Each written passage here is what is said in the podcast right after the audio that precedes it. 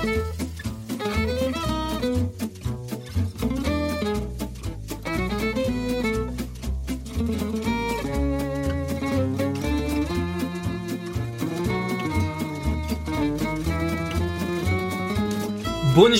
og velkommen til Musett sin Tour de France spesial. Musett, altså sykkelpodkasten av for procycling.no. Endelig er sommeren her. Eh, enkelte steder kanskje. I, på Vestlandet bøtter regnet ned, men i Frankrike er vel været litt finere. Eh, og vi skal snakke om gul trøye, polkadott, grønn trøye, Kristoff, Edvald. Eh, mye snacks i dagens pod, ikke sant? Theis Magelsen og Simon Nesler. Men det jeg kan love er at vi ikke skal snakke om den hvite trøya. Den har vi glemt helt. Den neglisjerer vi. Den anerkjenner vi ikke. Den fins ikke. Den fins ikke. Nei. Det er vel en, det, det er vel en viss Egan Banal der som er ganske soleklar favoritt uansett, tenker jeg. Ja, han er under eh, 26, han, vet du. Det hadde jeg helt glemt. Nei, det, Tour de France, det er eh, Det er for meg litt som, eh, som julaften. Nå som jeg er blitt litt eldre, fulgt med på sykkelsport noen år, så er det eh, Jeg gleder meg ikke like mye. Men så er det uka før, og så merker jeg jo, jeg gleder meg ganske mye. Det er litt sånn jeg føler med jul også. Jeg syns fortsatt det er gøy, men eh, på en litt annen måte enn da jeg var yngre. Er det litt Alexander Kristoff-vibber vi hører her? Hvis du har fått med deg intervjuet han gjorde før NM. Nei, det, det gjorde jeg faktisk ikke. Men jeg og Kristoff er født på samme dag, så det kan jo eh, hende. og Philip Gilbert og Gianfranco Sola, fun fact, om 5. Juli. Som er dagen før dagen. For det begynner jo på 6. juli. Altså, Det er jo gjerne sånn for mange at når de har fulgt med en del år på sykkelsporten, så er det sånn Nei, giroen er mye kulere, for de er så Slutt med det der. ritt og Ja, altså, det er ingenting som setter i gang følelsesregisteret mitt på samme måte som toren. Bortsett fra Paris-Roubais. Men eh, ja. Ja, og kanskje VM, men sånn Giroen er fantastisk, men å drive og snakke dritt om Tour de France, det må vi slutte med, altså. Det, Tour de France er Sykkelsporten hadde ikke eksistert uten Tour de France. Så vi skal være glad i Vi skal ikke bite hånden som før oss. Vi må hylle den. Og forgude den. En eh, dristig påstand. Så ukens hyllest går til Tour de France, da. Ja. Ukens røde startnummer til Tour de France. Og Lanteine Rouge, faktisk, for det er der det stammer fra. Riktig. Det Eh, er overtenning, merker jeg, på meg. Vi får prøve å roe oss litt ned. Eh, og vi starter i det norske ja, hjørnet. Eh, norsk deltakerrekord i år. Seks nordmenn til start. Eh, det er Amund Grøndal Jansen for Jumbo Visma. Alexander Kristoff, Sven Erik Bystrøm og Vegard Stakelangen for UAE. Odd Christian Eiking for Vanti. Og Edvald Baasen Hagen for Dimension Data. Det er jo gledelig start. Og alle fortjener å være der. Det er jo ingen som kommer til Tour de France uten å fortjene det. Eh, to mann som er selvskrevne, og fire som ikke er det på samme måte. Selv om Amund kanskje har Jeg føler Amund er den vi har vært sikrest på. I hvert fall har jeg vært det. Amund har jo hatt det programmet siden ja, i fjor, holdt jeg på å si. Altså, han, det, det var ganske, ganske klart, egentlig. Det har aldri vært noen spekulasjoner om hvorvidt det skulle gå eller ikke. Bystrøm hadde vært litt mer rundt med han òg. Har egentlig hatt det på programmet siden desember, men han har jo hatt et par år hvor han har akkurat blitt vrak siste liten pga. litt eh, sykdom. Men eh, ja, seks eh, mann, det er veldig, veldig gledelig. Seks mann, men to som vi nok kommer til å se mer i ruta enn andre, tror jeg. For det er, jo fortsatt Kristoff og Baasen. Vi snakker mye om bredden i norsk sykkelsport. Men spydspissene våre er jo fortsatt i hovedsak Alexander Kristoff, men også Edvald Baasen Hagen. Um, har, vi har jo sett dem i Tour de France en del år. Kristoff vant en etappe i fjor. Edvald vant en etappe året før der igjen. Um, hvordan er de norske sjansene Eller de to sine sjanser i året? De, er litt- de er jo litt forskjellige, så kanskje man ikke skal slå dem sammen. Ja, Kristoff har jo et uh, ganske godt utgangspunkt nå som Gaviria ikke skal til Toren, da. Eh, men så er jo da et faktum at han ikke er den raskeste lenger. Uh, så trengs gjerne typ sånn Champs-Élysées som i fjor, da. At uh, det er seint i rittet og folk er slitne og har brutt. Eller at det er en veldig eh, tøff avslutning for, for hans del. Ja, gjør det egentlig det? For jeg Min, min entusiasme våkner jo jo nærmere vi kommer Tour de France. For det er sånn Hvis jeg ser på spurtfeltet i årets Tour de France så sitter jeg nesten og tenker at Kristoff er den femte beste spurteren. Og hvis det er fire mann som det må gå på tverke for, så er ikke det urealistisk. Altså, Arno Demar vant vel en, en etappe i var det i fjor eller året før hvor, hvor, det plutselig bare var masse folk som falt, og så vant han etappe første uka. For hvis jeg skulle rangert spurterne i Tour de France i år, så ville jeg sagt Groneveggen, eh, Viviani, Juen, Sagaen, Kristoff. Hvis ikke jeg har glemt noen, da. Men det jeg tenker litt, er jo at alle de har eh, skikkelig opptrekk. Det har de, men Tour de France-spurtene er mer kaotiske enn noen andre spurter. Vi har sett før hvor mye rart som kan skje der. At det går en massevelt hvor tre av de forsvinner, og så er det en som blir låst inne. Det er ikke umulig. Nei, og sånn For, for å sammenligne med Sveits, hvor Kristoffer var ganske langt unna i spurtene, en sjetteplass som, som best. Riktignok litt sånn trikk i avslutninga generelt, da. Men uh, det var mye større grad ett opptrekkstog som gjaldt. da Det var i hovedsak til Gunny Quickstep, spesielt på de siste to spurtappene, hvor de jo kjørte helt fenomenale opptrekk. Uh, og da skal alle inn på det, på det hjulet. Og da blir det sånn at hvis du ikke får det hjulet, så du, kan du plutselig være nummer fem-seks i rekka, og da har du ikke sjansen når spurten åpner, for det er jo altfor langt bak.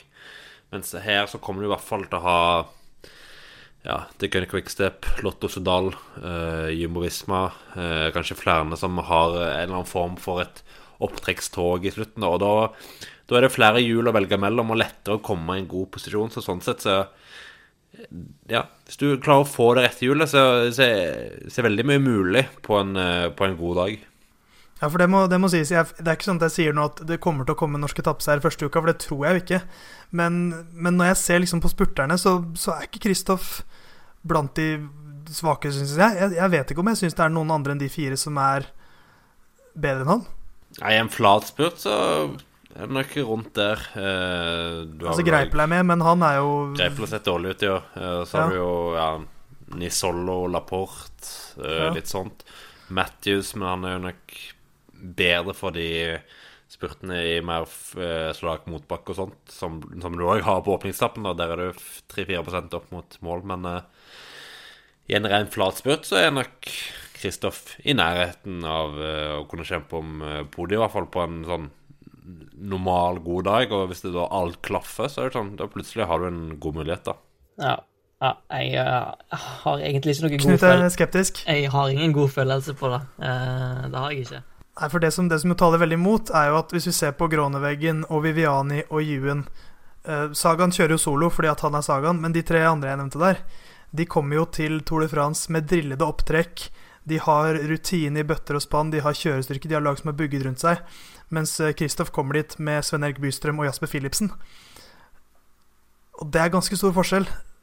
Ja, spesielt eh, The Cunning Quickstep og Jumbo Visma har et sinnssykt bra drilla opptrekk. Eh, og i tillegg er Gråneveggen så utrolig rask. Eh, Viviani òg, for all del, veldig rask.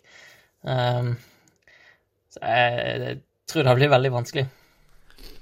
Ja, altså, Philipsen er jo en, en strålende rytter for all del, men han er den yngste i rittet med godt over ett år. Eh, det er, sånn, det er litt usikkert hva du kan forvente av han, spesielt utover det hans første tre ukers ritt. Så i første uka kan han nok hjelpe litt, men det, det er vanskelig å, å si. Og det, det, er litt sånn det er det, det, er mangel på rene opptrekkere i UAE, og i hvert fall da når Gaviria får sende ut, og siden Kristoff skulle være hans opptrekker, så, så kom enda tidligere fram. Så det må jo det bør komme noen mer dedikert hjelpere inn, men eh, nå, nå, er det de som er der, som er der.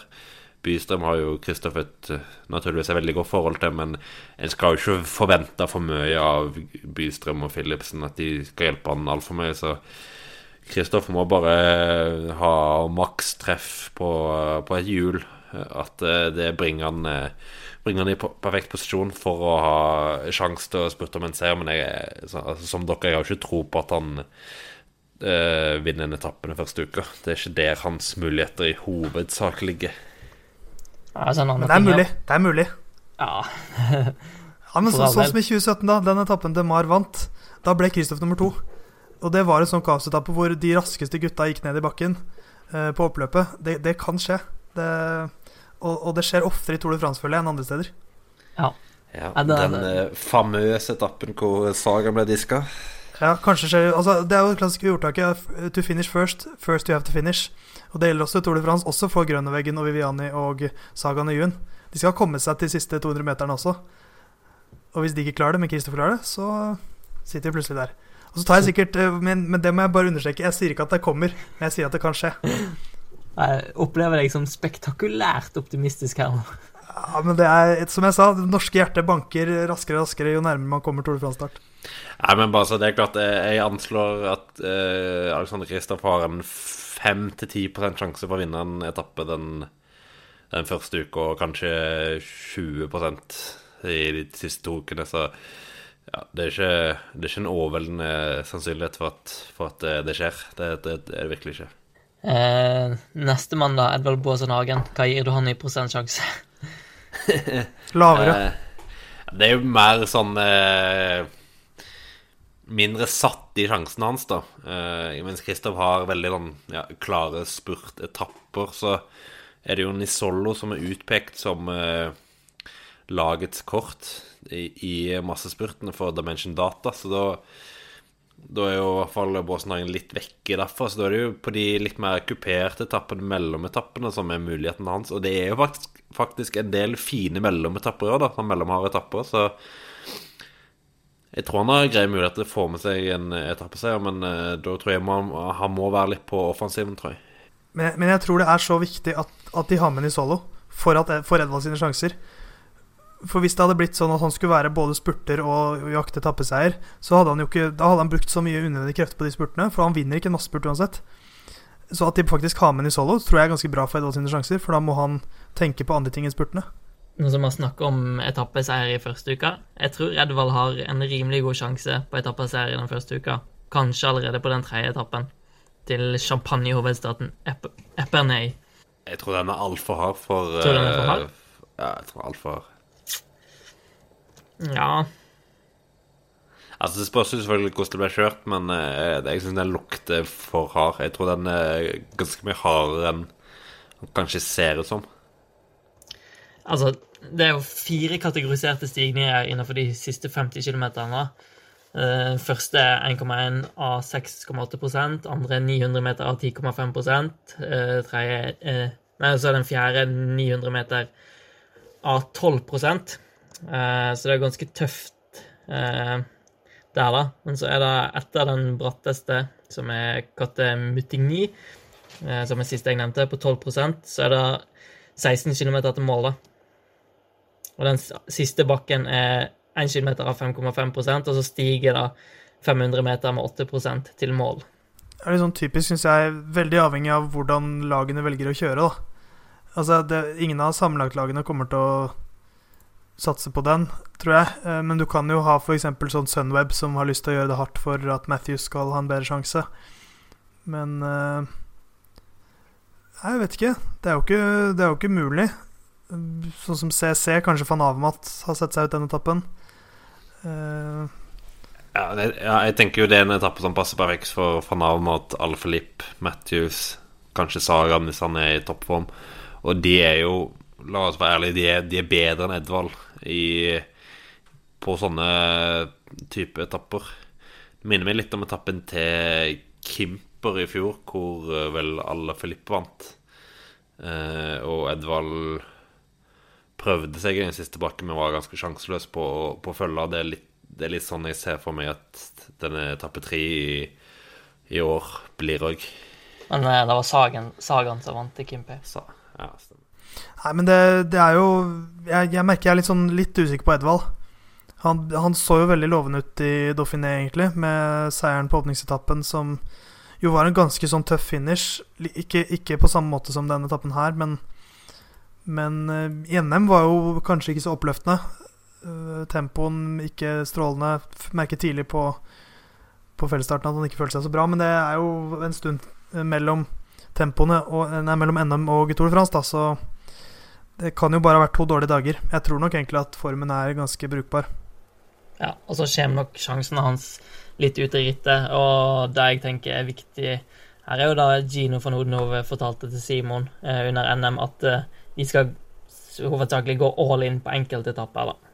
Det tror jeg blir veldig viktig. Mm. Ja, men så er det, Jeg ser mange fine etapper for Edvard. Han så etappe fem, åtte, ni den første uka, som er klassisk er sånn Sannsynligvis for harde for de mer rene spurterne.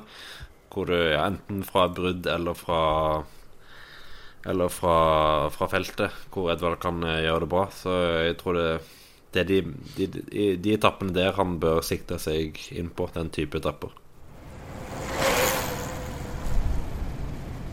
Når vi først er inne på spurt der, så kan vi fortsette med Amund Grønn Alliansen. Eh, Theis sa at eh, Edvald og Alex er kanskje de vi får se mest i ruta, men eh, han får en ganske prominent rolle, eh, Amund òg. Obelix. Obelix, I, ja. eh, I den norske mestertrøya, med en fet bonus på bankkontoen sin. Eh, klar til å jobbe litt for Dylan Groneveggen. Eh, I hvert fall ganske mye i starten, vil jeg tro. Han er jo bunnsolid blitt og kommer til å være lett synlig med den norske mestertrøya. Vi har ikke sett hvordan den blir ennå. Den, eh, jobbes, de jobbes vel iherdig med å få den klar til Tour de France-start, vil jeg tro. Men, eh, men han er en viktig, et viktig tannhjul i Jumbo Visma-opptrekket.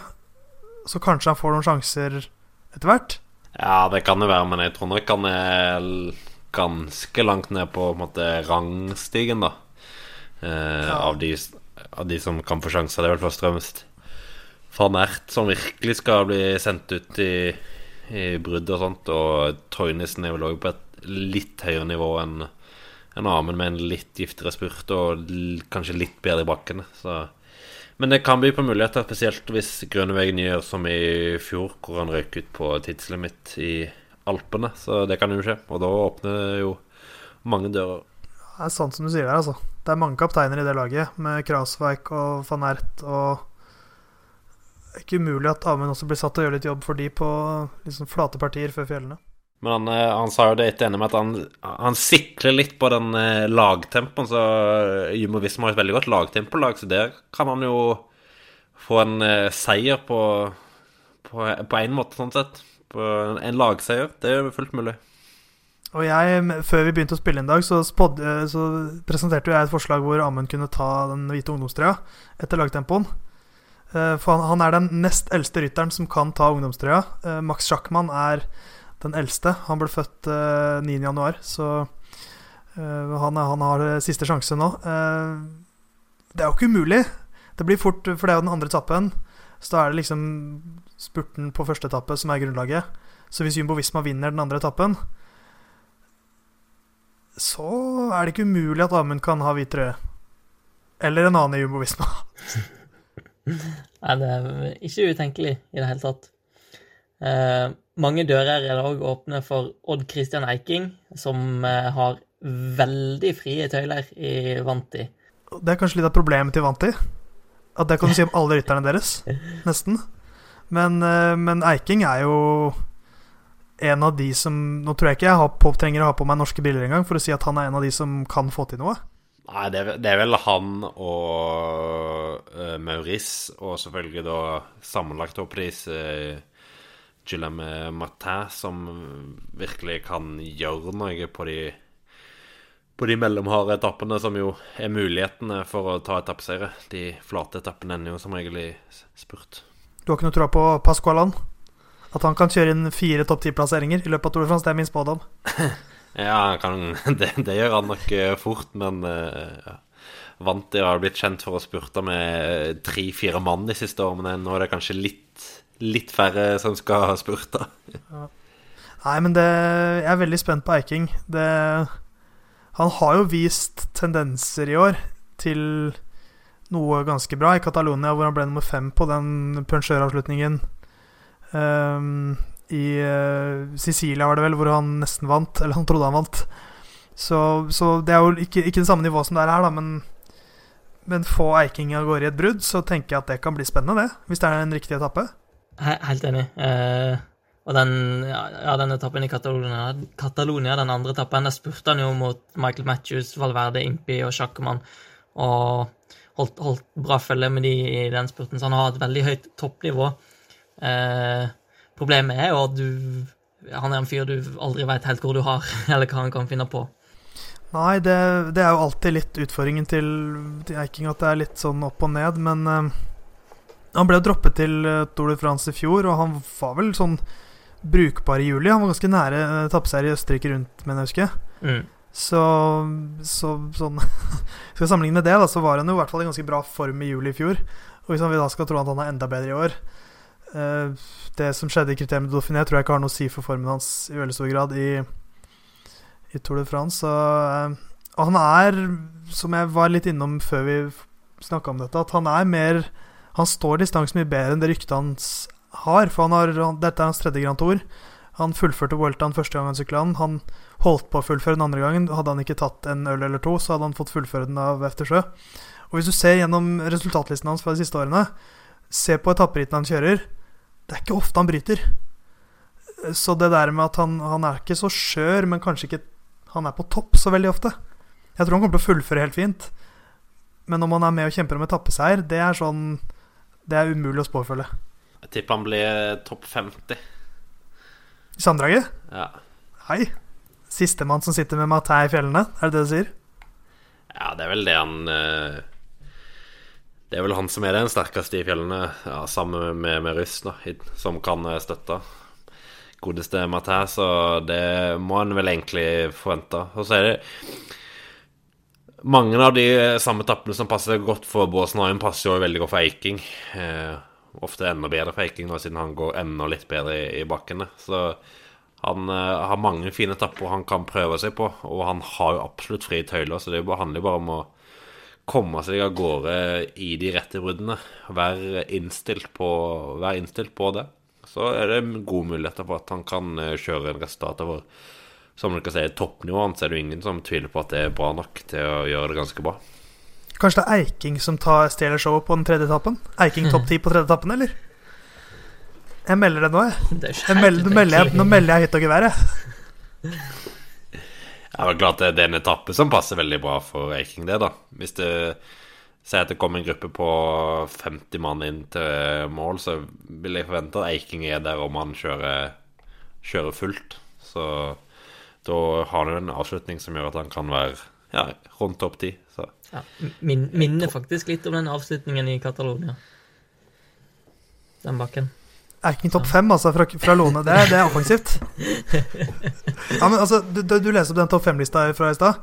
Det kunne jo vært topp fem i en Tour de France. Ja, de navnene der er jo, er jo aller øverste, øverste hylle, så at Eiking uh, henger med i det selskapet der og altså, kan man snakke om at ok, ingen er i toppform i Catalonia rundt. Det er ikke Eiking heller. Så jeg, er veldig spent, jeg. Jeg tror han kommer til å Han, sykler minst to topp ti-plasseringer. Uh, så har vi to mann igjen i UAE. Uh, den ene kanskje litt mer bundet opp som arbeidshest enn den andre. Stakan mannen som, uh, som Stig Kristiansen gang på gang beskriver som en sportsdirektørs drøm, han, uh, han er vel veldig dedikert hjelperytter. La oss ikke La oss bare være helt klare på det. Ja, jeg tror nok eh, han skal bli brukt veldig mye. UAE har veldig få sånn klassiske rene hjelperytter. Det er Stakan og eh, Bystrøm til en viss grad, og så faller òg Philipsen. Men ja, Stakkan eh, skal gjøre mye jobb, så jeg vet ikke hvor mye krefter det er igjen til å prøve seg på bruddstunt i diverse alper og Pyreneer og daler. Så jeg tror nok det er Bystrøm av de to som har noen sjanser. Han har fått signaler fra lagledelsen om at eh, de ønsker å se han i brudd i uke to og tre, sånn som han gjorde i Welton i fjor, og da var det jo veldig nære ved å, ved å gå. Så hvis han kan prøve han i ny, så kan det bli kult, det. Jeg tror vi kommer til å få se Dan Martin veldig mye gjemt bak eh, stakene. Ja, men det er jo en fin rygg å ligge bak, da. Altså Rivjernet fra Asker. Han eh, han kommer til å gjøre mye og bryte mye vind for uh, kapteinen i UAE. Så uh, Han kommer til å rive av mye vind? Ja, han kommer til å rive mye, mye vind. Så Nei, men, men, men Svenneke, som vi har døpt han, han, han var jo veldig nærme en tappeseier i Vueltaen i fjor. Uh, hvor Gjelle Leis var litt, litt kaldere. Men, uh, men jeg har troa på Bystrøm òg, så han, jeg syns han bare Han har så jevn og fin utvikling. Han litt, blir litt og litt sterkere hvert år. Så jeg tror ikke vi skal forvente noe tappeseier til han heller, men at han kan komme seg av gårde i brudd på en etappe eller to og være med i kampen om etappeseier, i hvert fall, det tror jeg kan fort skje. Og apropos Svenneke, så syns jeg vi skal gi Simon en utfordring. Fordi eh, Simon liker ikke utfordringer. Nei, men eh, vi husker vel alle, altså oss tre, hvordan det gikk når eh, Jarle prøvde å omtale Sven Erik som Svenneke til Alex i Milano San Remo. jeg er dårlig for de som ikke har hørt det klippet, og det er vel ganske, ganske Nei, eh, kanskje eh, seks personer som har hørt det klippet. Eh, og ja. vi kan bekrefte at det er ikke dårlig. ja, og, og, det er ikke sånn at Alex blir sur eller fornærma. Det er vel bare mer sånn at han ikke skjønner hvem du snakker om. Hvis du spør hvordan, hvordan var Svenneke i dag. Men eh, Men uh, hva var utfordringen, uh, Knut? Nei, at Sim Simon skal omtale Simon skal jo til Frankrike ja. og dekker turen for, for, oss. Så når han snakker med Alex, så om han omtaler Sven Erik som Svennike. Kan jeg òg få uh, huka tak i Sven Erik og si 'Svennike, kom her'?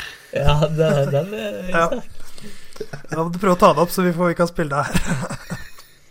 Eventuelt kan du spørre Alex hva syns du om Har du noe kallenavn på Sven Erik? Og da svarer sikkert Alex bare Sven, men eh, det får så være.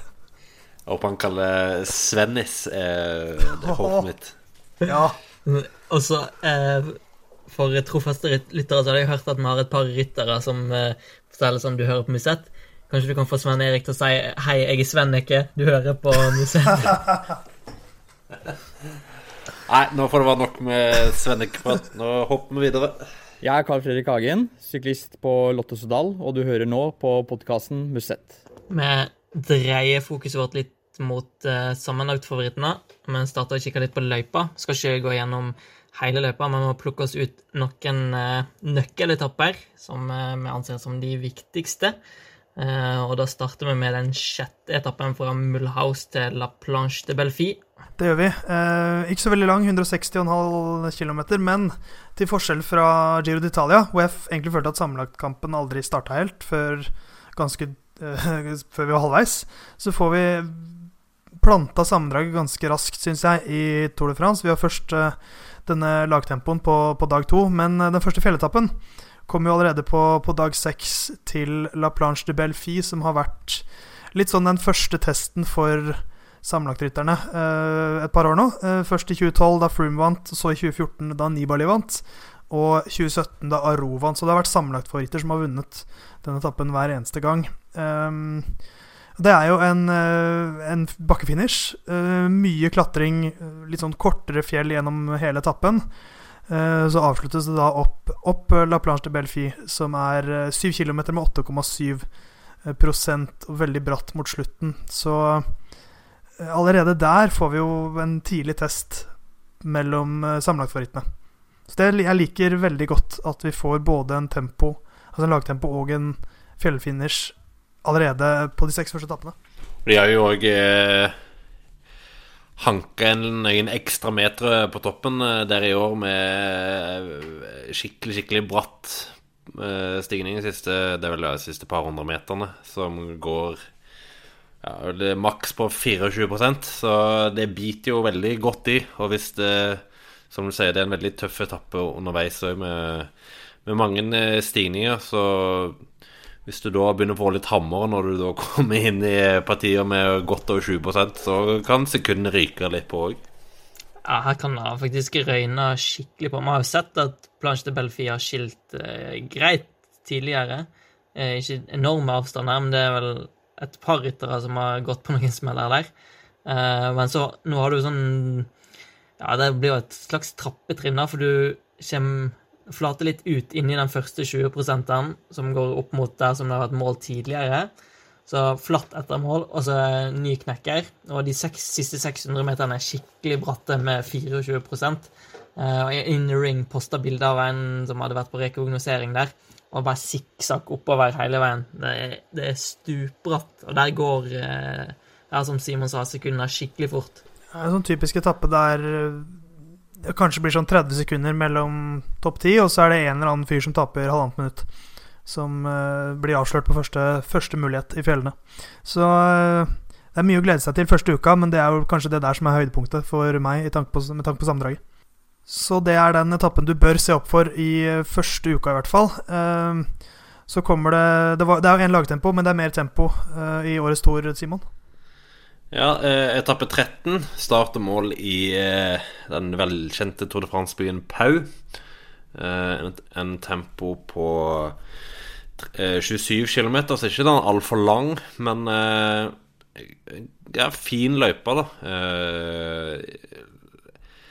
to bakker underveis. Én på 3 km på 4,7% og én på 1 km av 6,9 så det er ingen sånn ren flattempo hvor du får mye rytme. Det, det, kommer til å være en krevende tempo. Eh, ikke like krevende som den i Madi Baskaland i fjor, hvor det var mer sånne bratte knekkere, men en, en fin eh, tempo som eh, kommer til å skape litt avstander, eh, og som eh, virkelig setter sitsen før vi tar fatt på de ta, ta fatt på de tøffeste fjelletappene eh, som venter på de neste etappene. Perfekt for Garen Thomas, eller? Eh, ja, den er fin for Garen Thomas, den. Eh, jeg tror den er veldig fin for eh, Egan Bernal, f.eks. Så jeg tror det er mange som eh, kan like en eh, sånn tempo.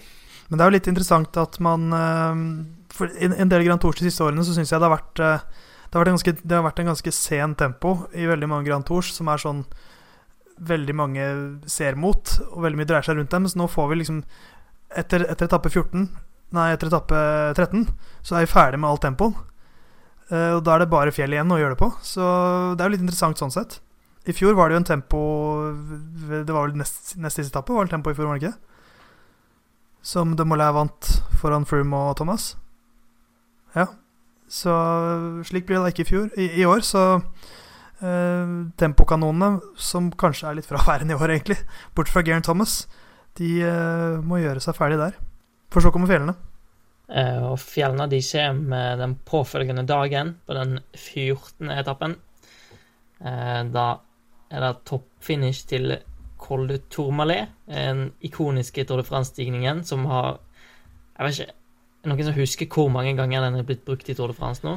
Det er veldig mange ganger. Jeg tror det er rundt 70-80 ganger. kanskje Jeg tror ikke jeg klarer å telle så høyt, men uh, kan, den er jo en klassiker. Litt, jeg kan kjøre litt klassisk research på lufta. Ja, men, men, jeg tror det er et eh, rundt uh, 70 høres ganske fint ja. antall ut. Men uh, det har bare vært uh, målgang der to ganger i historien. I 1974 da vant Jean-Pierre Danguillaume. og i 2010, når Andy Schleck vant etter å ha duellert med Alberto Contador opp der. Eh, så det blir tredje gang i historien det blir målgang der, da. Eh, etappen er veldig kort, 117 km. Kommer en eh, fjerde kategori veldig tidlig på etappen, veldig ubetydelig. Så etter rundt 50 km så begynner det å stige opp til Col du Solor, som er 12 km av nesten 8% Så er det nedover utfor, og så er det de siste 30 km oppover. da, Og den kategoriserte delen av Tourmalet er 19 km av 7,4 eh, Tourmalet er en ganske tøff stigning, altså. 20%, 20 km med over 20 det, det blir seigt. Det er en nydelig stigning. Jeg, jeg, var der faktisk i 2010. Eh, det, det, var en mytisk duell mellom Contador og, eh, og Andy Schleck, hvor jeg husker eh, det ble buet mot Contador eh, etter at han tok på seg gulltrøya. Ja, Kjedegate, som var vel dagen før eller noe sånt. Så, og da var det også sånn klart veldig lenge, og så kom tåka sivende inn idet rytterne kom. Det var helt fantastisk. Ja. Så hvis vi får noe à la det, så blir det spektakulært. Så det, det er jo kortetapp også. Og da blir det, det er alltid en litt sånn spesiell følelse, syns jeg, disse litt kortere fjelletappene som vi ser flere og flere av nå de siste årene. Så da, da er det mange offensive og angrepsfulle ryttere. Kommer til å bli kjørt som F første milen på den etappen for å komme seg i brudd. Um, og så blir det sikkert sammenlagtseier uansett, fordi det er så kort etappe. Ja, her, her, blir det veldig høy fart fra start av, fordi det er sånn lettkjørt de første 50 km. Eh, så som Theis sier, høy fart. Alle vil ha eh, så mange Her er det muligheter for ganske mange mann uh, ute i front for de som ønsker det. For du kan få med ryttere som er bedre i lettkjørte terreng, og så i, i fjellene, da. Og i tillegg så har du tempoen dagen før. Eh, der du sitter i en helt annen posisjon, og du tømmer tanken skikkelig. Eh, så folk kan komme inn med litt sånn eh, ugunstig og stiv muskulatur her, da, som kan påvirke utfallet av etappen. Ja, det er en, det er en nøkkeletappe. Og den første av flere. For det kommer jo flere fjelletapper. Og den neste som vi kanskje ser på som, som en virkelig viktig en, er den 18. etappen. Som uh, fører rytterne over uh, to, hva skal man si på fransk, årskategori, HC-stigninger. også en førstekategori. De skal over Col d'Isoire og Col de Galibier. så de skal altså opp på 2642 meter. På den 208 km lange, etappe, lange etappen. Det der, det er en det er noe ganske annet enn den Tormalé-etappen, for her er det ikke fjellfinish. Her er det en to mil cirka med utforkjøring inn til Valorie, hvor det er målgang. Så eh, det er også en etappe å glede seg til, tror jeg. Ikke bare tror.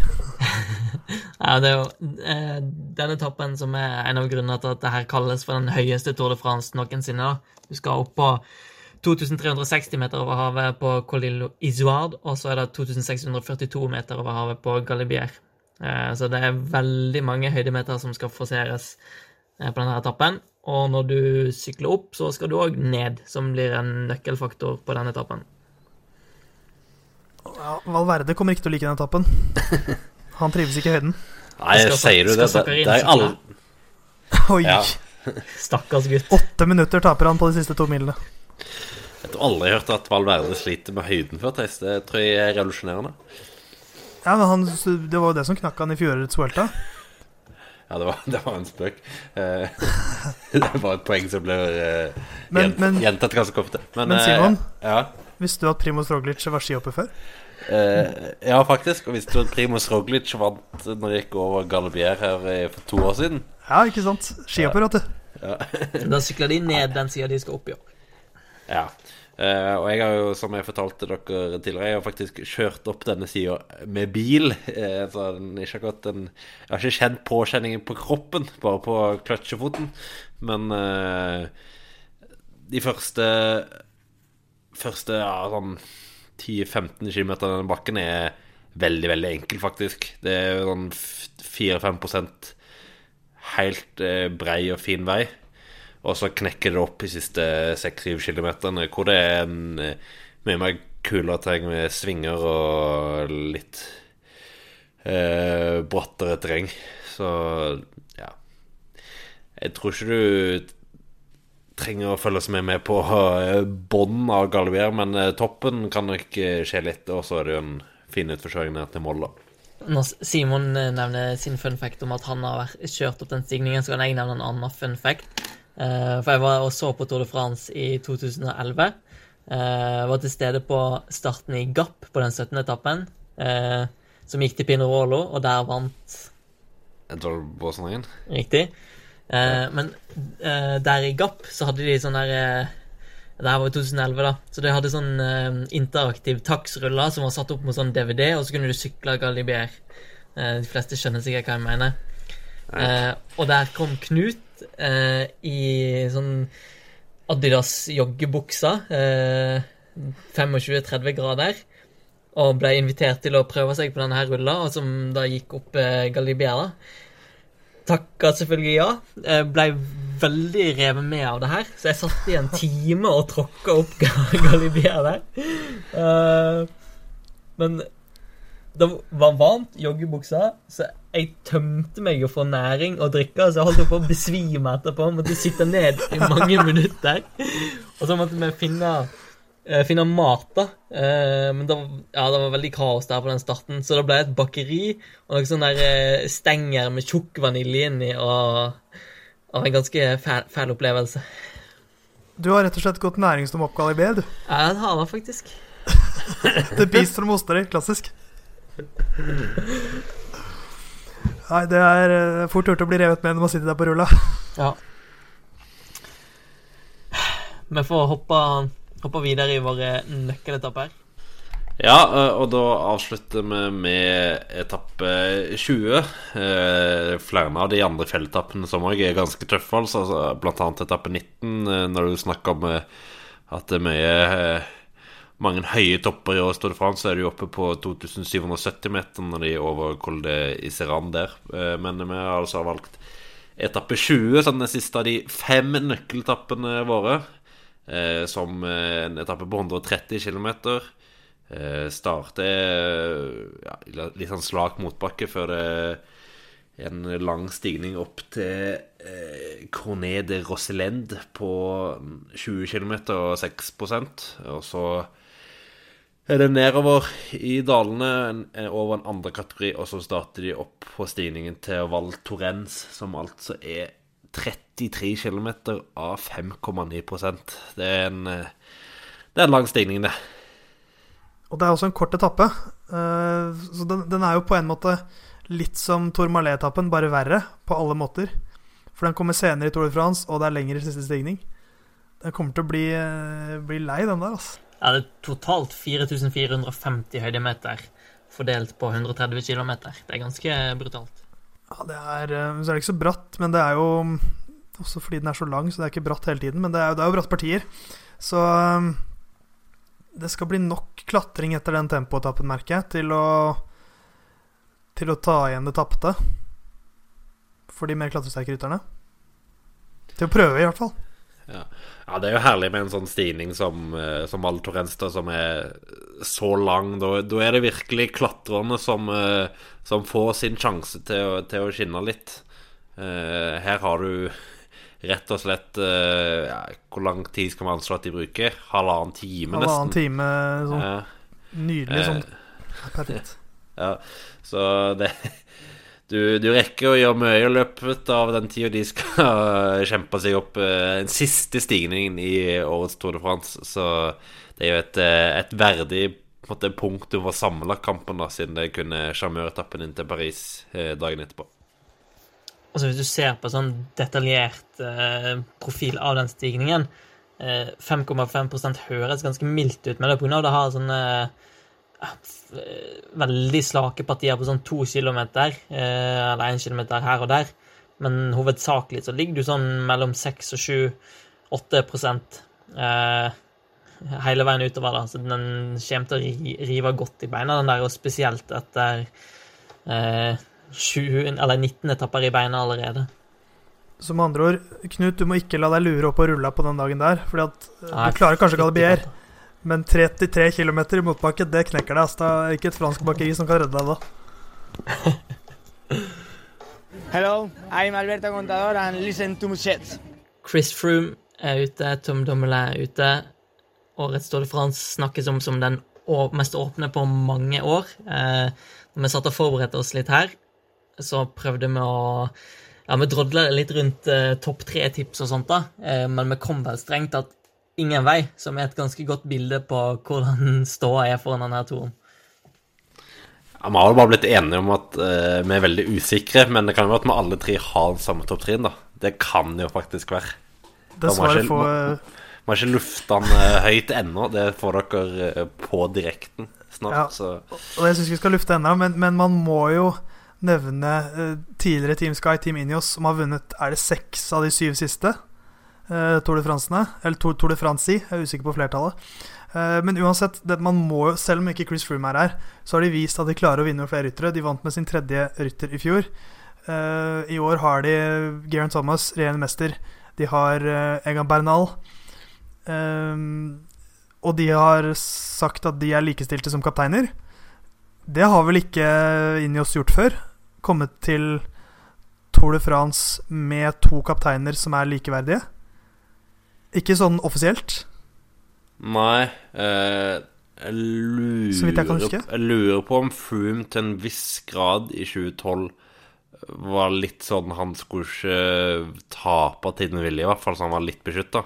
Ja. Eh, men eh, ja, du har rett. Det er en litt annen tilnærming enn de har hatt de siste årene. Eh, og jeg tenker det kan jo være litt rett og slett fordi de ønsker å unngå spekulasjon. For hadde de bare gitt ut et lag, så hadde det blitt masse spekulasjon. Hvem er kaptein? Kjører Banal for ene sjanser? Eller er det alt for Thomas? Hvordan er egentlig formen til Thomas? Nå mister du Du tar brodden litt vekk da når du sier med en gang at de er likestilte. Eh, men det, jeg tenker det tyder jo på at de ikke er helt sikre på John Thomas. For hvis de hadde vært sikre på at han var på eh, samme nivå som han var på i fjor, så hadde de jo sikkert kjørt 100% for han. Ja, de er nok ikke helt sikre på Egan Bernhard heller, eh, som for første gang får kapteinsansvar. Og så er det et godt poeng da med at de slipper liksom maset eh, rundt hvem som er kaptein og sånt. Men eh, da maset blir jo piska opp igjen når Bernhard distanserer Thomas på La Planche de Belfi på sjette etappe, så det varer ikke så lenge. Men, men blir det pisket opp da, eller dør det? For hvis han tar, Nei, hvis han altså, tar halvannen oss- da Jo, jo, jo selvfølgelig, men jeg, jeg tror ikke det blir så mye. Men la oss si det blir 30 sekunder, da. ja. Så kommer jo de til å få masse mas om det igjen. Men da kommer jo til, de bare til å holde fast ved at nei, de er fortsatt delte kapteiner og bla, bla, bla. Ja.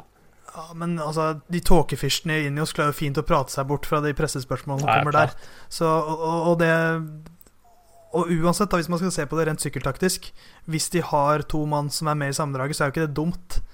Eh, Det er, jo, det er jo noe vi prøver å skape et problem ut av, men de har jo vist mange ganger at de klarer fint å vinne Grand Tours hvor de har to ryttere på podiet, så, eller som er gode nok på podiet. Eh, Og, og det laget deres er jo så bunnsolid, så de, altså, de kommer ikke til å tape noe som helst på lagtempoen. Bernal virker til å ha tatt det steg på tempoen, så på individuelt tempo, så den uh, individuelle tempo tror jeg ikke blir noe problem for han heller.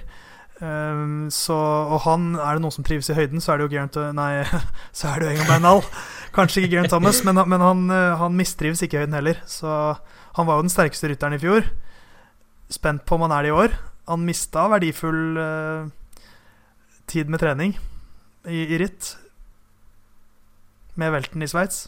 Ja, uh, sånn generelt så har han jo vært et lite spørsmålstegn i år. Uh, han har jo ja, Han tok en eh, lang offseason eh, og var jo ikke i sin beste form eh, fra start av eh, på sesongen, men har jo sett gradvis bedre og bedre ut og kjørte jo relativt bra i Romandie, hvor han vel ble nummer eh, tre. Så jeg tror nok han har vært ganske høyt oppe i Sveits, men det at du på en måte mangler den der eh, pekeren, gjør jo at det er med usikkerhet. Og så har vi jo, vi har jo Bernal som vant Sveits rundt, men også det var liksom Rohan Dennis han slo der. Um, han må slå bedre rytter enn det nå i Tour de France. Det er eh, Vi er så vant til at inni oss liksom, de kommer med Froome som er bankers.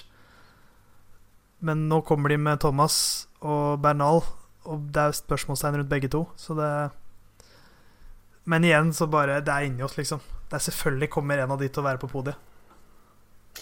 Angående Thomas, eh, aldri feil å starte sesongen med litt Christoph Buch. Eh, og så angående Bernal i Sveits eh, ni, ni dager, da, men det er litt forskjell på da og, og um, 21 dager. Eh, så jeg tenker at han sl bare slår eh, Jaron, nei, Rowan Dennis. Eh, ja, jeg tror ikke vi skal legge for mye i det. Nei, og det, det er klart man Ineos vet veldig godt hva de har der. De hadde ikke sendt han til uh, Giro d'Italia som kaptein uten å, at, å ha noe tro på at han skulle vinne. Uh, nå gikk jo ikke det, men, uh, men altså, måten han debuterte på i Tour de France i fjor Han klatret jo bedre enn Froome. Og kunne glatt ha fulgt Geraint Thomas på de aller fleste etappene hvis han hadde fått kjørt. Altså, hadde, hadde Bernal vært kaptein for et annet lag i fjor, så hadde han vært bedre enn nummer 15 i sammendraget, for å si det sånn. Så dette er bare hans andre Grand Tour, men, eh, men han er jo en veldig reell vinnerkandidat. Det er ikke noe tvil om det. Han er vel fortsatt bare 22 år. Han er nest yngste rytteren i rittet. Ja. Det er som Jasper er- Philipsen, som Simon var inne på, som er, som er innhold. Det er fortsatt det er, helt, det er helt absurd hvor god han er. Ja, altså, ja, 22 år, så er du likestilt kaptein med tidligere Tour de France-vinner. Det er heftig. Men de får jo òg eh, sterk eh, konkurranse. Den som eh, kanskje flest ser på, er jo Jakob Fuglesang, som har hatt en fantastisk sesong så langt. Men er han, er han god nok til å gjøre det samme i Tour de France? For det syns jeg er alltid interessant, måten man deler ut favorittstempel på til en Grand Tour. Liksom, jeg føler det er to måter du kan gjøre deg fortjent til en, en Grand Tour-favorittstempel. Du har tidligere prestasjoner i Grand Tours, eller så har du, du har en ekstremt bra sesong. Og det er jo det siste som uh, Jakob Olsang har, for han har jo kommet til kort gang på gang på gang på gang i treukersrittene. Um, han har én topp ti-plassering fra Tour de France i 2013. I fjor ble han nummer tolv. Men han har aldri vært bedre enn det han er i år. Og Astana har aldri vært bedre enn det de er i år. Nei, jeg syns ikke nødvendigvis det har kommet så veldig til kort. Det handler mer om at nivået hans har vært et sted mellom femte til tolvteplass. Ja, men da kommer du til kort, i min verden. Ja, jo, jo, men eh, sånn nivået hans generelt, altså i, i tapperitten ellers òg, så var det jo Fuglesang har aldri vært en mann som eh, vant veldig mye. Men så vant han jo Dauphiné i, i 17, eh, og har jo vært helt rå i år. Så han har åpenbart tatt et kraftig steg oppover. Og, og jeg tror det er vanskelig å Du kan ikke se, se vekk fra han i Tour de France selv om han har eh, slitt med å få det helt til tidligere for han, han er på et høyere nivå i år. Ja, og Måten han vant eh, Dauphiné på, det pratet vi om da han gjorde det, at det var mye mer kontrollert enn det var da han vant i 2017. Da var det jo litt mer sånn taktisk seier. Mens nå var det så kontrollert som bare Team Ineos kan gjøre. Så det eh, Og det er jo kanskje et godt tegn at han vant det så, med så, så tilsynelatende letthet. Men, men jeg sitter fortsatt med en sånn følelse at når det liksom tråkkes på den tredje mila i den siste stigningen så ser jeg ikke at helt at han skal være den som tråkker fra noen. Han Altså, det er noe annet å vinne vinne og, og de ukesrittene han vinner, da. Enn å vinne Tour de France. Jeg, jeg, kan bare ikke se for meg at han vinner.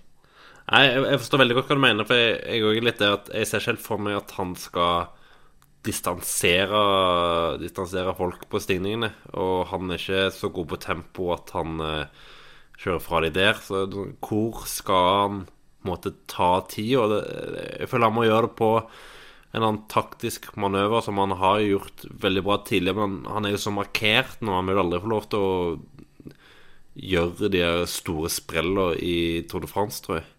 Så jeg er litt enig med deg. Vanskelig å se for at han skal vinne. Men eneste som vel de siste årene Eller Froome klarte vel å gå un, nesten under radaren et år og ikke vinne noen etapper. Uh, men du må, altså, ja, du må gjøre et spektakulært vinne en etappe eller ta tid et sted. Klarer liksom ikke å se for Han tar ikke, han vinner ikke tempoet.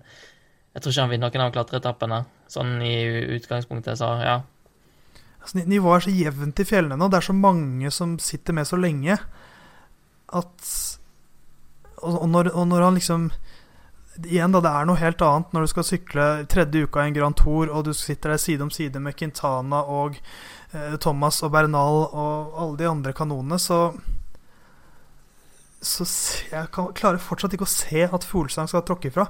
Det hadde jeg Altså, spol kalenderen ett år tilbake i tid, så kunne jeg sikkert sagt det samme om Geraint Thomas. Det er jo litt det òg. At, at kanskje vi må se det for å tro det. Movistar er tilbake i Tour de France med sitt trehoda troll. Miquel Landa, Alejandro Valverde og Nairo Quintana. Eh, Movistar viste seg veldig gode til å spille ut kortene sine i Giro d'Italia, men eh, historikken tilsier ikke at de klarer å gjøre det samme i Tour de France. Altså, dette er jo en oppskrift som høres veldig lik ut den de kom med til Tour de France i fjor. Mm. Men jeg tror nok at de har litt tydeligere struktur nå. For Valverde har sagt veldig mange ganger at han skal kjøre hjelperytter, og det tror jeg han i. Uh, uh, og Landa kommer fra Giro d'Italia, hvor han uh, Og det er jo ikke så lett å vinne Giro d'Italia og sykle Giroen og så vinne Tour de France. så det er jo Quintana jeg tenker på som deres realistiske vinner i år. jeg har sagt at jeg aldri tror At jeg ikke tror Quintana vinner en Grand Tour igjen. Jeg tror eller, alle har sagt oss enige, jo. Og det tror jeg fortsatt. For jeg er ikke overbevist. Jeg, jeg, likte mye bedre den konstellasjonen de hadde i Giroen, hvor de hadde Landa og Carapaz. Sånn i ettertid er det veldig lett å si det, da, i og med at de vant. Men, men, men sånn, man, man, ser jo hvorfor det funker òg. Det er ryttere som har litt mer sånn spissferdigheter. Jeg føler at Quintana kan klatre bra, men han har ikke noe akselerasjon. Han bare klatrer jevnt, og du trenger akselerasjon for å vinne i Tour de France. Så jeg, jeg, ser ikke hvordan han skal klare å vinne det. Men Det er nok en veldig fin løype for Quintana, da. Eh, en lagtempo som eh, Movistar nok henger relativt greit med på. De har, et, uh, har en del temposterke ryttere på laget ellers. Og den individuelle tempoen er jo ikke altfor lang. Og så, som vi har vært inne på, mange eh, stigninger høyt, høyt oppe, godt over 2000 meter. Og det er jo det Quintana er aller best på. Så sånn sett en av de beste løypene han kunne fått. Eh, men eh, han skremte jo ingen i Dauphiné, da, for å si det sånn. Nei, det gjorde han ikke. Han ble nummer ni. Så men det er også ganske lenge mellom Dauphiné og uh, Tour, og liksom siste uka i Touren i år, så, så det er ikke sikkert at det har så mye å si, men sånn Han er nå, Han blir 30 neste år. Jeg tenker nesten at dette her kan fort bli hans siste liksom, skikkelig gode sjanse i Tour de France. Også med tanke på løypa, da, som Simon sier, det er en veldig god løype for han. Men, uh, men jeg tror ikke den beste klatreren fra Colombia er Nairo Quintana nå lenger. Sånn som det var da han liksom virkelig tok sykkelsporten med storm og utfordret Froome. Og eh, jeg, jeg, tror det blir jeg tror, jeg tror ikke han kommer til å klare å følge Bernal. Altså, nå er Froome ute, Dumoulin ute. eh, det er ingen sånn soleklar favoritt. Uh, og ja, løypa, som du nevner. Og så har han et helsike sterkt lag med Valverde og Landa, som nevnt. Eh, Max Soler, Imonal Erviti, Carlos Verona, Nelson Oliveira og André Amador. Så alt, altså, det er nå eller aldri. Ja, men det er, det er, litt det samme laget som i fjor. Altså, uh, for det er vel, De har byttet ut Benatti og, og Rojas fra i fjor, men liksom toppen i det laget er jo de samme som det var i fjor. Uh, og det er bare Nei, jeg han, kom, altså, han kan fort havne på podiet. Men det er jo ikke det det handler om for en rytter som Naru Quintana, som har vunnet Giro d'Italia, han har vunnet Vuelta i Spania. Men det er nå tre år siden. Altså, det var vel 2016 han vant sin forrige Grand Tour. Uh, ja, jeg tror, ikke, jeg tror, ikke, det skjer i år heller, i Tour de France. Skjer det da med franskmennene, som heller aldri vinner? Thibaut Pinot og Romain Bardet? Nei.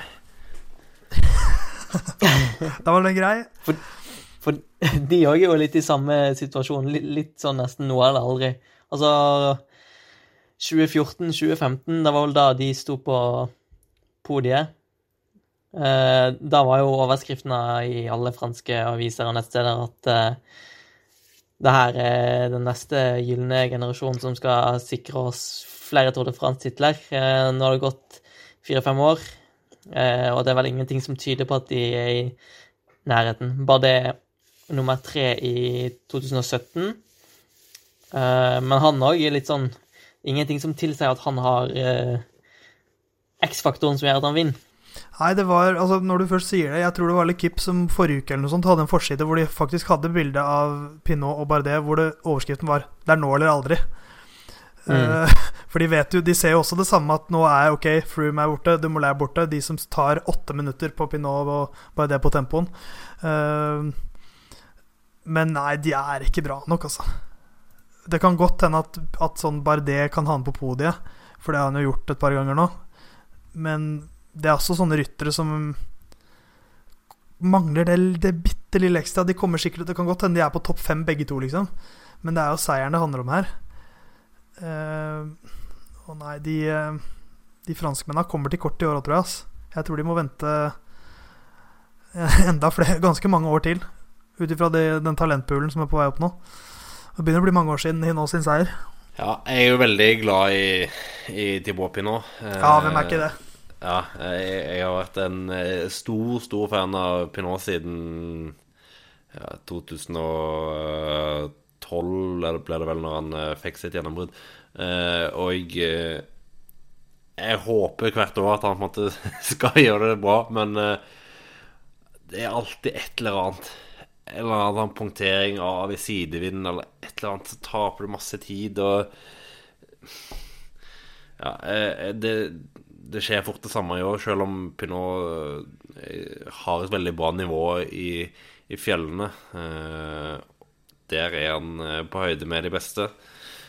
Mens Bardet i større grad jo egentlig har en slags X-faktor, men den er mer sånn taktisk, da. Veldig god på litt sånn spreke angrep, veldig god utforkjører. Strake motsetningen til Pinot der. Men han er litt for svak i fjellene generelt, da. Så du, du kan havne på pallen, men uh, på podiet, som det er så fint heter, Uh, med en sånn, eh, sånn strategi, men det er ikke godt nok til å vinne, med mindre du gjør noe helt eh, spektakulært. Jeg merker jeg nesten mer tro på uh, Pinot i år. Eh, han var jo fantastisk på høst, høst, eh, høsten i fjor. Ble han nummer fem eller seks i Vuelta, han vant to etapper, og så vant han jo i Lombardia. Så hvis han, hvis han kan ta med seg det nivået hit, unngå tull, så er det ikke umulig at han kan være ganske nærme podiet, altså. Nei, jeg, jeg håper på det. Eh, og eh, han sitter jo alltid dagen etter hviledag. I år har han vært heldig og fått to flate tapper etter hviledagen, så det er jo bra for han. Det tror jeg han bare sjekk ett minutt mindre eh, som han må hente, for å si det sånn.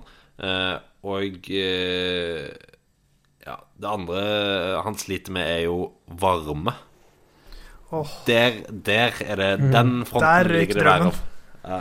Det er jo 40 eh, grader i hele Frankrike nå, bortsett fra i Normandie. Så der det er 20. Så og, Nei, det, det er jo spådd en veldig varm sommer. Og det er jo ekstremt varmt i Frankrike nå. Det hadde jeg ikke tenkt på, Simon, men det er et veldig godt poeng. Det, det, er, det er vippa mm. skåla i uh, Bardes i favør igjen, med tanke på de franske, i hvert fall. Men det er, jo, det er jo to-tre uker fram til de virkelige fjelletappene, og så kan det plutselig ha vært et væromslag, og at det uh, bøtter ned, og da er Pinot i sitt ess igjen. Så. Da velter han, vet du. Nei, sånn på flata før bakken. I regnvær er Pinot verdens beste. Det er vel en gang tidligere i Tour de France-historien at et brødrepar har stått på pallen i Tour de France. Eh, kan det samme skje i år? Adam Yates og Simon Yates? Nei. Men eh, Nei. at en av dem kan gjøre det, det tror jeg er mulig. Det blir vel fort Adam som eh, må dra lasset i år. Uh, I og med at Simon kommer hit som dedikert hjelperytter til sin uh, tvillingbror. Um, det, det, virker nesten litt som om de har litt sånn annethvert år hvor de får til ting. I fjor så var det jo Simon sitt år. Det har gått litt på tverke for han i år, mens Adam har sett veldig bra ut. Uh, jeg har ganske troa på Adam Yates. Simon er lunken. Jeg er mer lunken, ja. Uh, jeg hadde tro på Adam Yates i fjor. uh, og da Jeg husker ikke akkurat hva som skjedde med han, men han Jeg tror han gikk næringstom eller sånt på en av de Første fjelletappen og tapte mye tid. Så det er rett og slett Det er rett og slett i ren affekt, altså? Nei, men uh, han, han skuffa meg i fjorårets uh, Tour de France. Da var han ganske langt unna. Og var jo heller ikke veldig bra når han prøvde seg i brudd i siste uke. Uh, hadde ikke noe høyere nivå enn en vanlig god bruddrytter. Så jeg var ikke imponert over Adam Yates i fjor, og tror han eh, Jeg tror han mangler litt, rett og slett, når du kommer i de tøffeste fjellene. Jeg tror uh, ikke han gjør det. jeg, jeg, jeg, har veldig tro på Adam Yates, merker jeg. Uh, han slår meg som en sånn Jeg tror ikke han har lyst til å havne i skyggen av sin bror. Jeg tror det driver han litt uh, denne sesongen. her Han har levert veldig jevnt. Han, var, han, bry, han sto av den siste etappen i, i Dauphiné eh, pga. noe magetrøbbel. Så han hadde blitt nummer to der. Kanskje kunne han angrepet eh, Folsang og vunnet hvis han ikke hadde hatt eh, det trøbbelet. Så eh, har et bra lag rundt seg. Um, og har tross alt blitt nummer fire før i Tour de France. Det er noen år siden. Eh, 2016, var det det? Men, men han har jo da vi vet han kan stå distansen. Det er bare noen år siden han har virkelig fått til en Grand Tour. Men jeg tror han har noe emning i år, altså. Men uh, vi får være enige og være uenige der, Simon. Yes. Uh, ja Hvor skal vi hoppe videre? Uh, vi har snakka litt om colombianere allerede. Så kanskje fortsette med andre mann fra 2017. Rigabato Uran. Ja, en mann som jeg tror ingen helt vet hvor de har inn mot uh, Tour de France i år. Heller ikke i 2017 så hadde han jo Han hadde ikke noen spesiell eh, spektakulær sesong i forkant, så jeg tror nok han eh, klarer å finne formen i år òg. Eh, han eh, tok kragebein i Paris-Nice og har kun 19 rittdager så langt i år. Kjørte eh, rute det Occitanie istedenfor Dauphiné eller Sveits. Eh, som han eh, Han har vel egentlig litt for vane å kjøre unngå Sveits og Dauphiné de siste årene, i hvert fall. Han har Eh, hvor- veldig dårlig minne for Sveits, har ikke han det? Var ikke der han velta dritstygt i sånn 2009-2010? Ja, stemmer. Ja, stemmer. Ja. Ja, uh, han kvesta seg vel litt der. Uh, men ja, ble nummer tre der, bak Valverde som vant. Så jeg tror han er på vei mot en god form, og jeg har litt tro på at han kan eh, overraske i Eller overraske, overraske. Jeg tror han kan gjøre det ganske bra i, i Tour de France. Eh, har et, et, et, sterkt lag rundt seg. Et lag som Knut Andreas Lone er alltid forelska i. Altså eh, Litt off topic her, men eh, Uran er jo dritkul å følge på Insta. da. Eh, poster masse videoer fra når han sykler på sånne kjerreveier langt oppe i fjellene i Colombia. Eh, og alltid en mann med scooter med seg på alle treningsturer. Da- Motor-PS uansett hvor han er. ja, men eh, jeg vet ikke om det er morsomt motor-PS på traktorveier, men eh, ja. Det var jo litt det han eh, som tok han til podiet i Tour de France, at han fulgte hjulene. Så han er jo flink på det. Men, men en av de største jokerne i årets Tour, syns jeg. Og som du sa, det, var, det er et veldig sterkt lag han har. TJ van Gaideren er i veldig god form. Han har med seg Michael Woods, som skal dit for å lære å hjelpe han. Talen Kangert. Simon Clark og Alberto Bettiol. Det er liksom Det er et veldig, veldig solid lag. Uh, Er det det mest internasjonale uh, laget på startlista? Det kan godt hende ingen ryttere der som er Jo, Clark og Tom Scully er vel Nei, Scully er fra New Zealand. Ja, Ja. så det er åtte forskjellige nasjoner uh, i det laget. Det er jo sterkt. Uh, jeg tror ikke det er det som er liksom nødvendigvis vinneroppskriften deres, men, men Uran kan fort være topp ti, altså. Eller ikke topp ti, topp topp fem også. Så får vi se jeg, ja. Han er jo et spørsmålstegn. For vi vet ikke hva, hva han er god for i år, egentlig.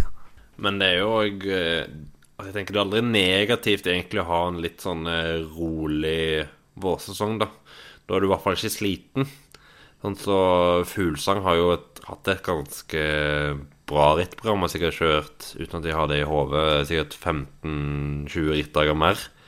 Og det har jo litt av seg. Ja, utvilsomt. Det, det er jo undervurdert, kanskje, det. Hvile i sykkelsporten. Så da kan man jo stille litt spørsmålstegn ved Vincenzo Nibali, som kommer fra andreplass i Giro d'Italia.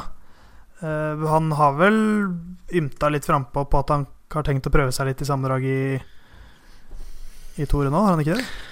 Og det har endra seg litt. Ja, det har Han, vært litt fram og eh, tilbake. Han, først meldte han jo eh, eh, etappeseier og klatretrøya, men litt sånn I takt med at uh, Froome og Dumoulin og diverse ikke ble klar til Tour de France, da, så har han jo ymta frampå at han i hvert fall uh, kommer til å si, ja, kjøre sammendraget fram til Planche de Béfi og så se litt derfra. Eh, og eh, han har jo veldig sterkt lag eh, rundt seg. Har Rowan Dennis som skal måtte, gå i lære for å bli en fremtidig Grand Tour-kaptein, så Om han har tre uker i tanken, så er jo Nibali livsfarlig. Ja, den her toren Jeg føler vi trenger en Nibali i form som kan fyre litt opp under ting. Ja, altså det jeg, altså jeg sier alltid det når vi snakker om Nibali. Aldri glem Nibali. Så han eh, Han er jo den eldste ringreven i det gamet her. Han er vel Det er vel ingen rytter på startstreken her som har flere Det er vel Quintana som har to Grand Tour-seiere, og Nibali som har fire. Så han er, han er ganske sånn klart foran alle andre med tanke på å vinne Grand Tours i det feltet her. Altså, han har stått på pallen 35 ganger òg, så Eller Ja. podiet, som det heter. Ja, så det Det som taler mot han, er jo at han har giroen i beina.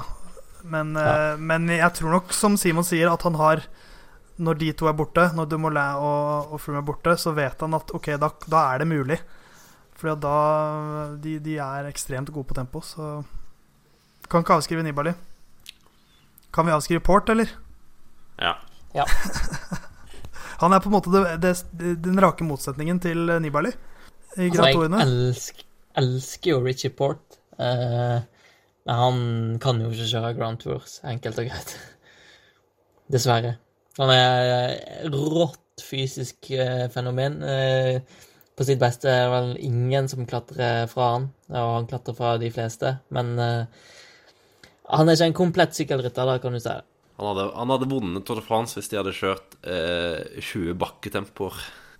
Ja, eller, eller hvis Tour de France var syv separate ukesritt. Men uh, Det, det er ganske lang Tour de France, det. Ja.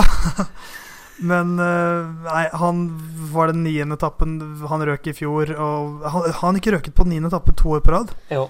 Jo. To, to år på rad, ja. Så Niende etappen til Chambéry vel i 2017, og niende etappen til Roubaix i fjor. ja, så de bør bare pakke han inn i eh, skumgummi på de 170 km fra Saint-Étienne til Brod i år, da.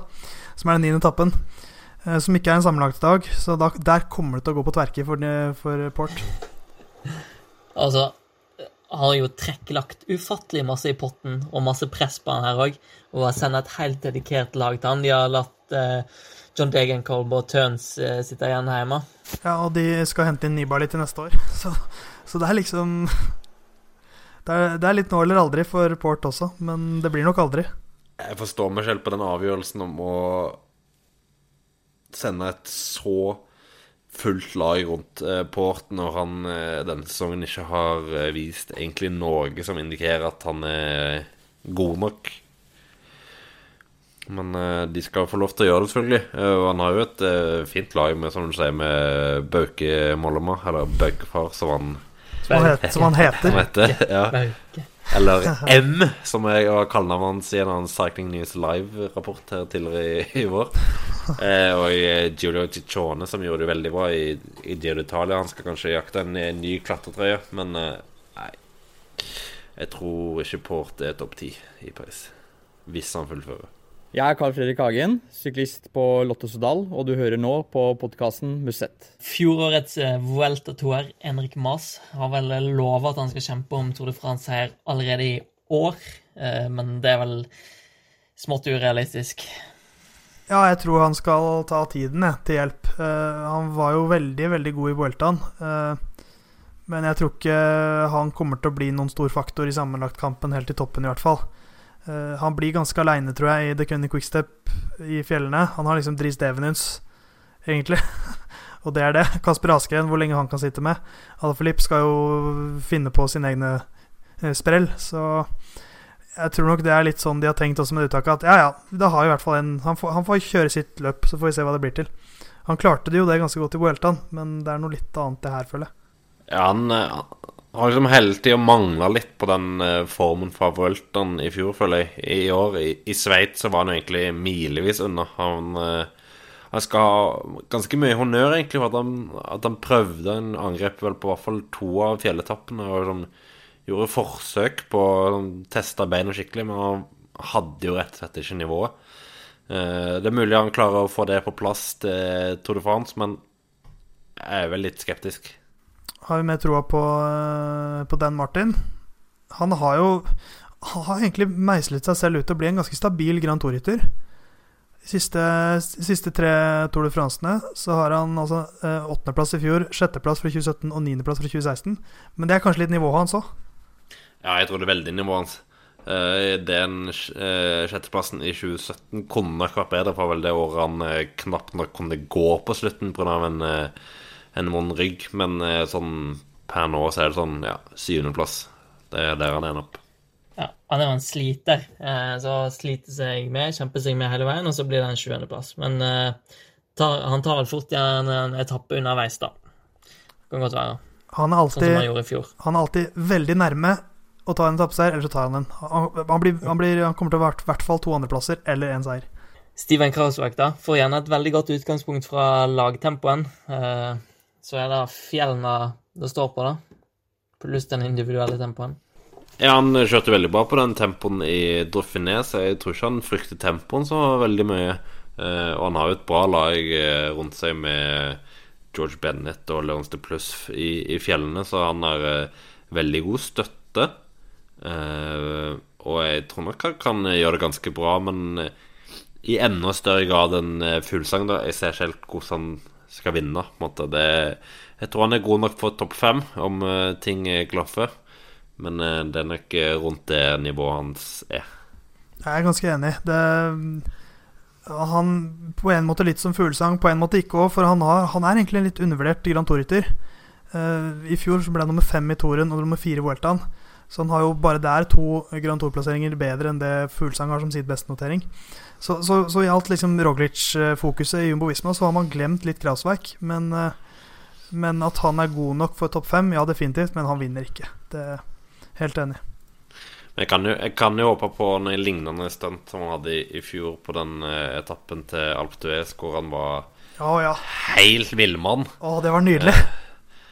Uh, jeg hadde så lyst til at det skulle gå inn, men han ble vel henta ja, to-tre kilometer før toppen. Men, Av uh, Egan Bernal.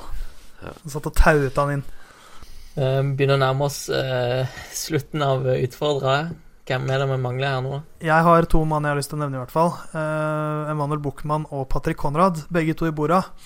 Uh, Buchmann uh, hadde jo mye fokus på toen i fjor.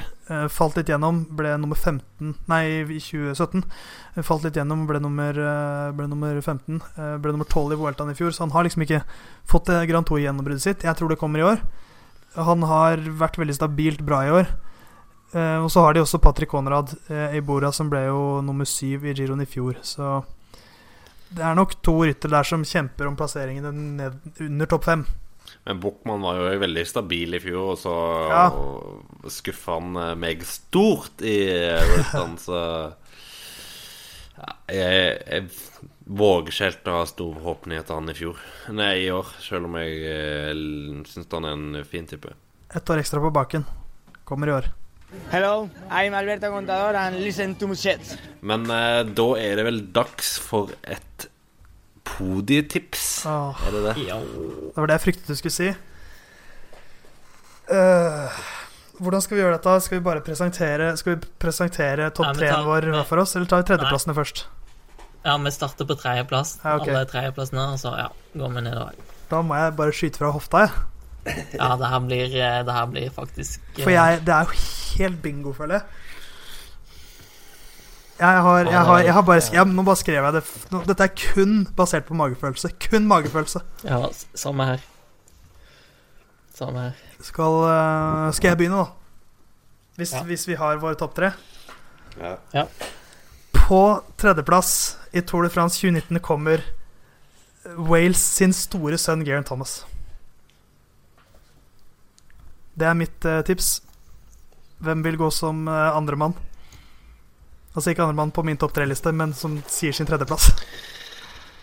Eh, da sier jeg at tredjemann i årets Tour de France blir eh, Rigoberto Uran. Åh, klinker på tunge storeskiva der. Yes. Det, det, det, jeg har samme mann på tre. Oi! Det er jeg som er freaken foreløpig. Vi får se. Uh, Andreplass hele Storbritannias sønn Adam Yates. oi, oi, oi. Ja, mens du kjører et eh, britisk tema, så kjører jeg colombiansk tema. Nairo Quintana på andreplass. Herregud, blir det tre colombianere på podiet ditt, eh, Simon? Vi får se. Hvem er din andre mann, eh, Knut? Jeg er samme. Dere har helt identisk type. Eh, det kan hende vi har samme vinner alle sammen. Min vinner Egan Bernal. Ja, samme. Og jeg òg har eh, trippel colombiansk. Fy søren, det Egan banan. Er det jeg som sitter igjen med svarteper, føler jeg? Nei, det blir jo ikke tre colombianere på podiet. Hva er det dere tuller med nå? Helt latterlig. Nei, men jeg tror Fuglesang knekker siste uke og blir nummer fem. Uh, Pinot blir nummer fire eller noe sånt etter å ha tapt masse tid utforkjøringen ned fra Galibier. Og uh, ja, Kreuzberg blir nummer seks. Jeg blir, jeg blir, litt kvalm av min egen uoriginale spådom, men eh, det bare kom veldig innover meg ja. at eh, jeg følte, følte, det veldig sånn. Det, ja, ja, da får vi se. For å oppsummere Det går jo da kjappere å oppsummere enn det jeg trodde. Jeg tror Bernal vinner foran Yates og Thomas. Knut og Simon tror Bernal vinner foran Quintana og Iran.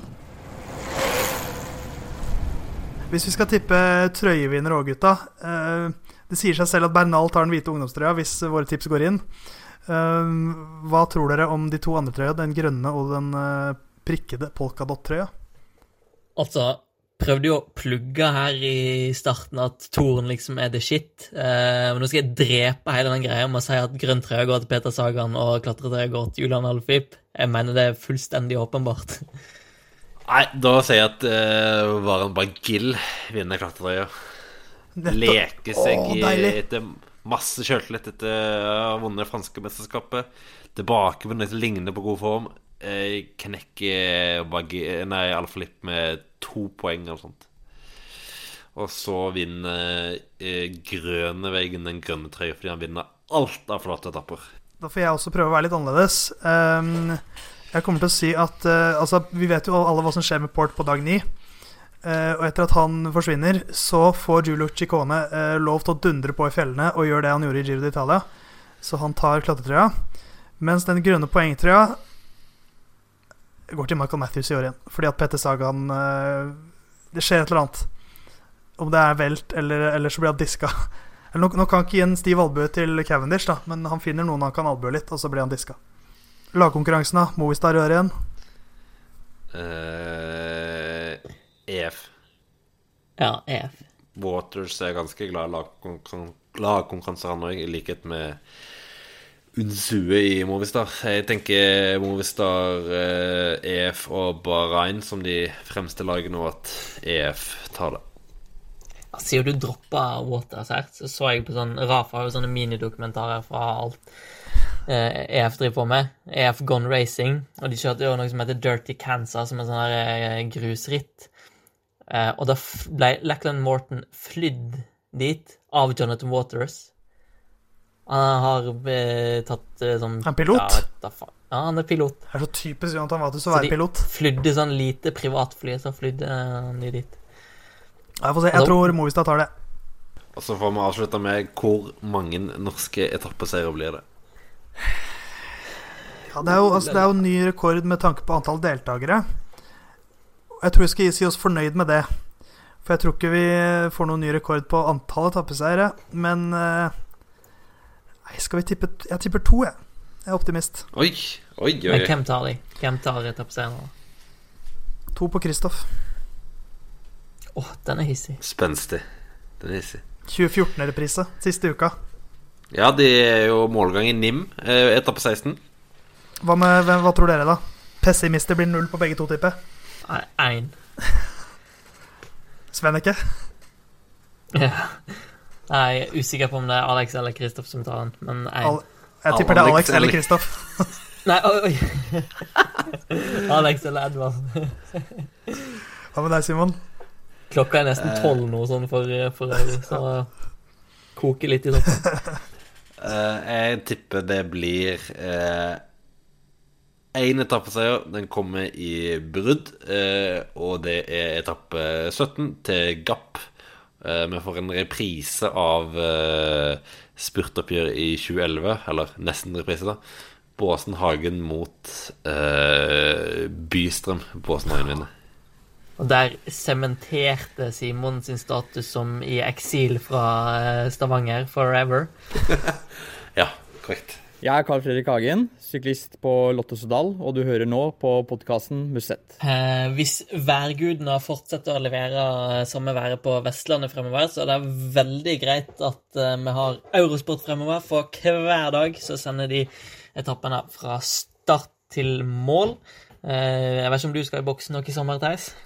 Eh, ikke foreløpig. Eh, La Course skal jeg i boksen for, La course. som vi heller ikke skal glemme. Men uh, jeg skal uh, skrive mye for procycling.no. Me too. er planen.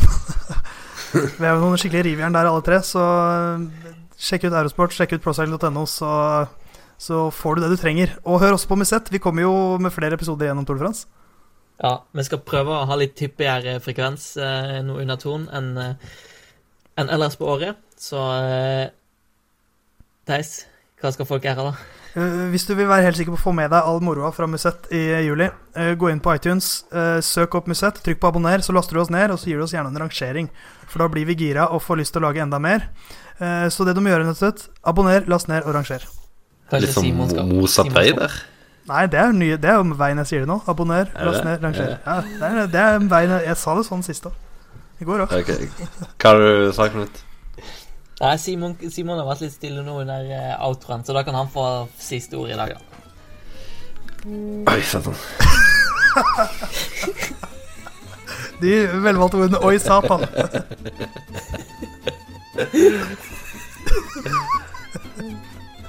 Nydelig, altså. Hva skjedde der, Simon? Fikk du en melding? Nei, jeg går bort, bort på telefonen og vibrerte den. Så- Ja, gjøre. Det er sjukt.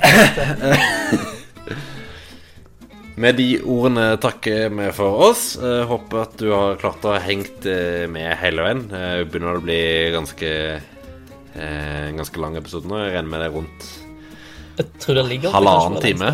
Ja, så hvis du har hengt med så lenge, så gratulerer. Du er en trofast og god lytter, og vi håper du blir med videre eh, utover i Tour de France. Det er bare til å eh, følge med. Ha det bra.